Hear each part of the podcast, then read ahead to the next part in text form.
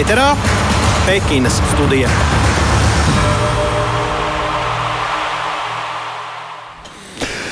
Un darbu sāk mūsu Tokijas studija. Klāt Mārtiņš Kļavinieks, labrīt. Ar ko tas sāksim? Ar Labrīt, hokeju? Laurijā, Tokijas studija, ne Pekinas studija, būsim precīzi, bet uh, esam Pekinā, Pekinas Olimpiskajās spēlēs, un ap to arī viss šī studija. Un šobrīd savukārt rīt uh, Latvijas hokeja izlases uh, mačs pret Slovākiju. Trešā spēlē apakšgrupā no trijām, tātad tikai trīs spēles arī ir apakšgrupā, un šobrīd arī tieši trešais noslēdzošais mačs latviešiem rit, un nu, tur sprāja uzbrukums uzbrukumu. Šobrīd arī Latvijas vārdu priekšā, un arī Latvija mēģina doties pretuzbrukumā, bet uh, pagaidām gan uh, izmisīgi arī mēģina gūt vārdus. Jo ieskicēsim situāciju. Uh, pirmā trešdaļa mačā beidzās neizšķirti, viens pret viens. Slovāki pirmie guva vārdus, tā tad nonāca mm, vadībā ar 1-0. Latvieši savukārt iedzinējos ar 0 pret 1. Nu, jā, pirmā trešdaļa jāsaka tā labi, ka beidzās neizšķirt viens pret viens, jo Slovākiem bija pārsvars. Ronalds Ķēniņš individuāli saņēma ripu pret pretinieku eh, aizsardzības viduszonā un eh, ļoti precīzi met pa vārtiem, un vārdsargs tur bija bezspēcīgs, tāpēc arī panāca viens pret viens. Ronalds Ķēniņš vismaz intervijā Latvijas televīzijai pēc pirmās trešdaļas atzina, ka eh, jā, nu jāsāk spēlēt um, vairāk tā kompaktāk un jāmēģina ripas dabūt aiz Slovāku mugurām, mest zonā un vairāk skrientā, skrietām pakaļ, mm, lai kā, arī kāpinātu spēles tempu. Drusciņo Slovāki diktēja to režīmu tomēr um, pirmajā trešdaļā. Nu, viens viens, bet savukārt otrā trešdaļā trešdaļa noslēdzās nelabvēlīgi latviešiem 1-3. Slovāki guva vēl divus vārtus, trešos viņu jaunais 17 gadus vecais talants, jā, nu, kuram arī paredz pirmo drafta kārtu Nacionālajā hokeja līgā Jurais Slavkovskis. Viņš dzimis 2004. gada marta pirmspēdējā dienā, starp citu, jā, viņam šobrīd tik tiešām 17 gadu paredz spožu nākotni. Viņš arī guva vārdus pārspēja Jāni Kalniņu, kas šodien sargā Latvijas hokeja izlases cietoksnī. Šobrīd rīt izšķirošā trešdaļa, aptuveni 7 minūtes vēl jāspēlē pamatlaikā, un Latvija ir iedzinējusi ar 2 pret 4. Trešā trešdaļa sākās pat ļoti labvēlīgi Latvijas komandai, jo Mikls Indrišs panāca 2 pret 3, samazināja rezultātu starpību līdz minimumam. minimumam rezultatīvas piespēles Gintam Mejam un Oskaram Cibuļskim. Tas notika jau trešdaļas trešajā minūtē, 2 minūtes un 7 sekundes, kad bija spēlēts, bet, diemžēl, desmitajā minūtē eh, Slovāku spēlētājs Peters Zuzins panāca 4-2. Tāds arī šobrīd um, rezultāts uz tablo un latvieši izmisīgi cenšas cenšas atspēlēties. Laika nav daudz, eh, palikušas 6,5 eh, minūtes, un eh, šobrīd joprojām Latvija mm, no savas zonas mēģina izslidot un izspēlēt uzbrukumu. Slovāki gan ļoti, ļoti cieši, tāpat kā visas spēles garumā spēlē viduszonā un neļauj latviešiem to darīt. Arī spēka paņēmiens pat tagad tikko pret Nikolai Jeļisējevu aiz Latvijas komandas vārtiem no Slovāki. Jā, ir visur un um, spēlē plaši, spēlē um, tā, lai latvieši netiktu pie uzbrukumiem. Arī uz, nu, ceru, ka netiks pie pretuzbrukumiem. Nu, pagaidām spēle tomēr rīt viņiem labvēlīgi. Par tām labajām lietām, kas ir bijušas. Arī trešajā trešdaļā latvieši kāpināja tempu, arī pēc šiem gūtiem vārtiem mēģināja kurināt spēles tempu, jo Slovākiem šķiet, ka eh, spēki izskatās, ka mazliet iet uz beigām, un viņi vairs tik sparīgi kā pirmajā trešdaļā, trešajā noteikti neskrēja. Latviešiem izskatās, ka spēks kājās ir pietiekams, un eh, viņi savukārt turpina vicot pa laukumu, kā saka tautā, un eh, mēģina darīt visu, ko vien var. Jā, nu, pagaidām, kā jau minēja, rezultāts latviešiem nelabvēlīgs 2 pret 4, tas hokejā, bet ja par tādu mm, globālu normālāku situāciju turnīra tabulā. Latviešiem divi zaudējumi um, un uh, divi zaudējumi divās spēlēs, un ja zaudēsim arī šo spēli, būs trīs zaudējumi trijās spēlēs. Atgādināšu, ka īsti tas neko neizšķir, vai mēs zaudējam visas trīs spēles. Ja visas trīs uzvarētu, tad gan būtu ļoti labi.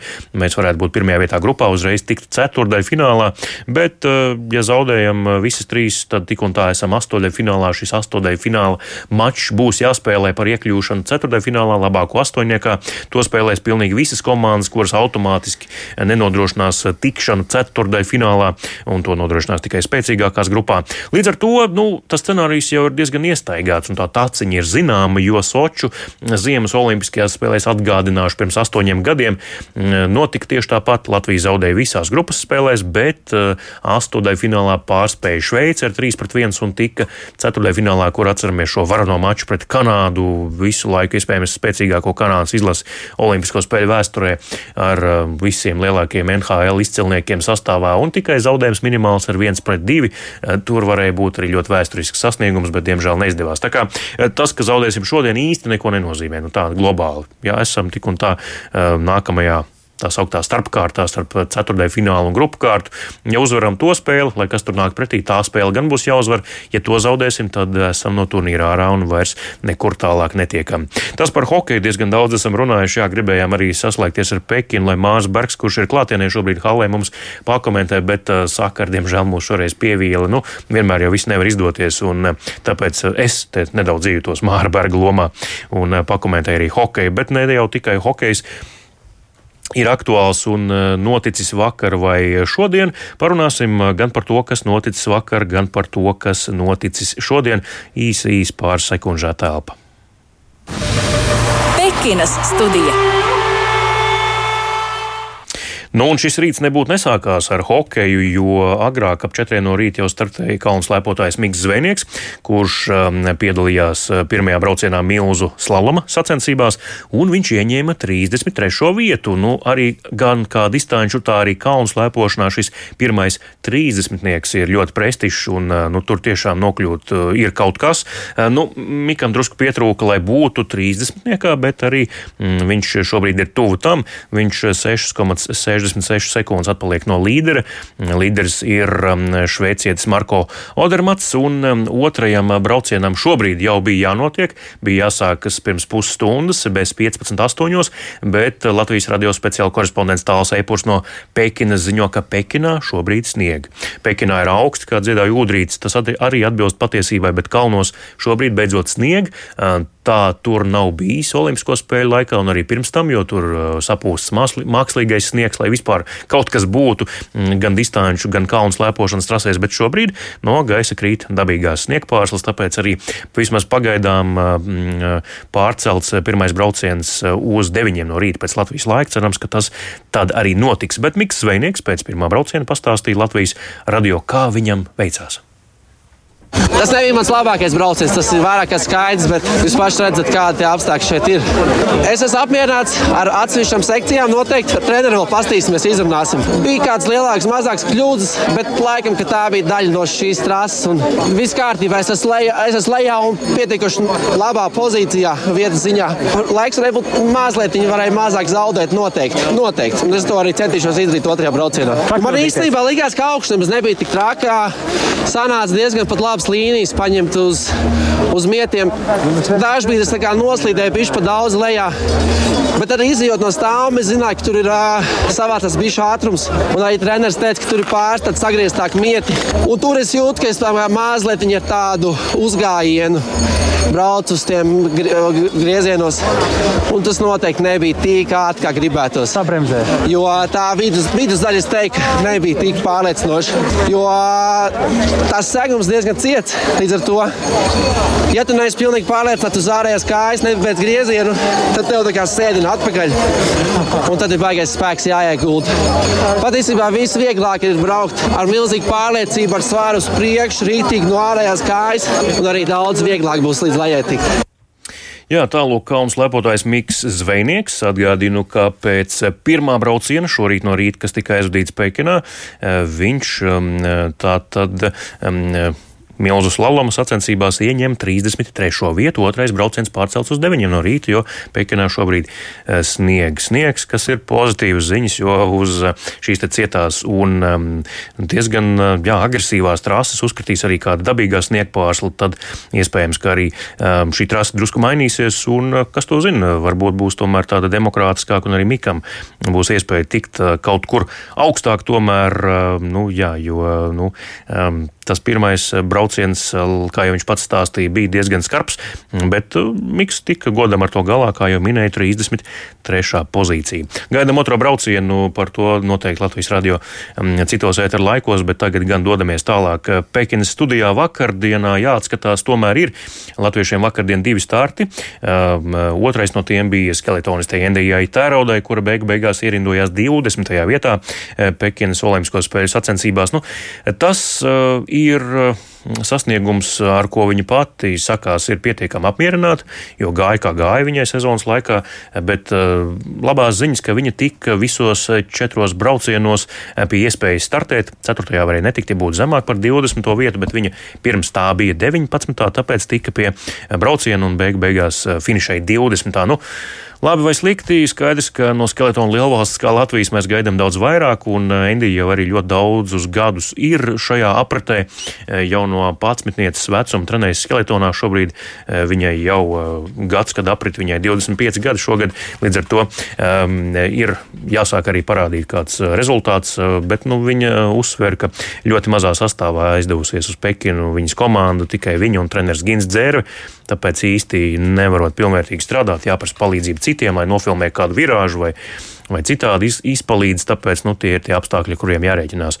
Endijai tātad 20. vieta Olimpiskajā debijā, m, savukārt slēpotājs, distanču slēpotājs Patricija Eiduka, Kitija Auziņa, Baiba Bendika un Samanta Krampe vakar piedalījās Pekinas Olimpisko spēļu stafetē, 4x5 km stafetē dāmām ieņēma 17. vietu, būtībā pēdējo, apsteidzot tikai Ukrainu, kur tika noņemta no trases, bet Latvija bija pēdējā no finišējušajām. Nu, tendences gan bija labas trasē, jo Patricija Eiduka vienu brīdi bija pat septītā pašā distances ievadā, tad desmitā beigu beigās Kitija Auziņa distanci Baibai Bendikai trešajā posmā nodeva kā 15. Baiba atkal komanda pacēla uz 12. vietu, bet, nu, samātai krāpēji spēka pietrūka, lai noturētu šo te labāko 12. Viņa arī ir jauna, vēl 8 18 gadu olimpiskā debitanta, tā kā nepārmetīsim, bet vēsturisks sasniegums un ko pēc eh, šī te finiša teica Samanta Krampe un arī Kitija Auziņa. Klausāmies!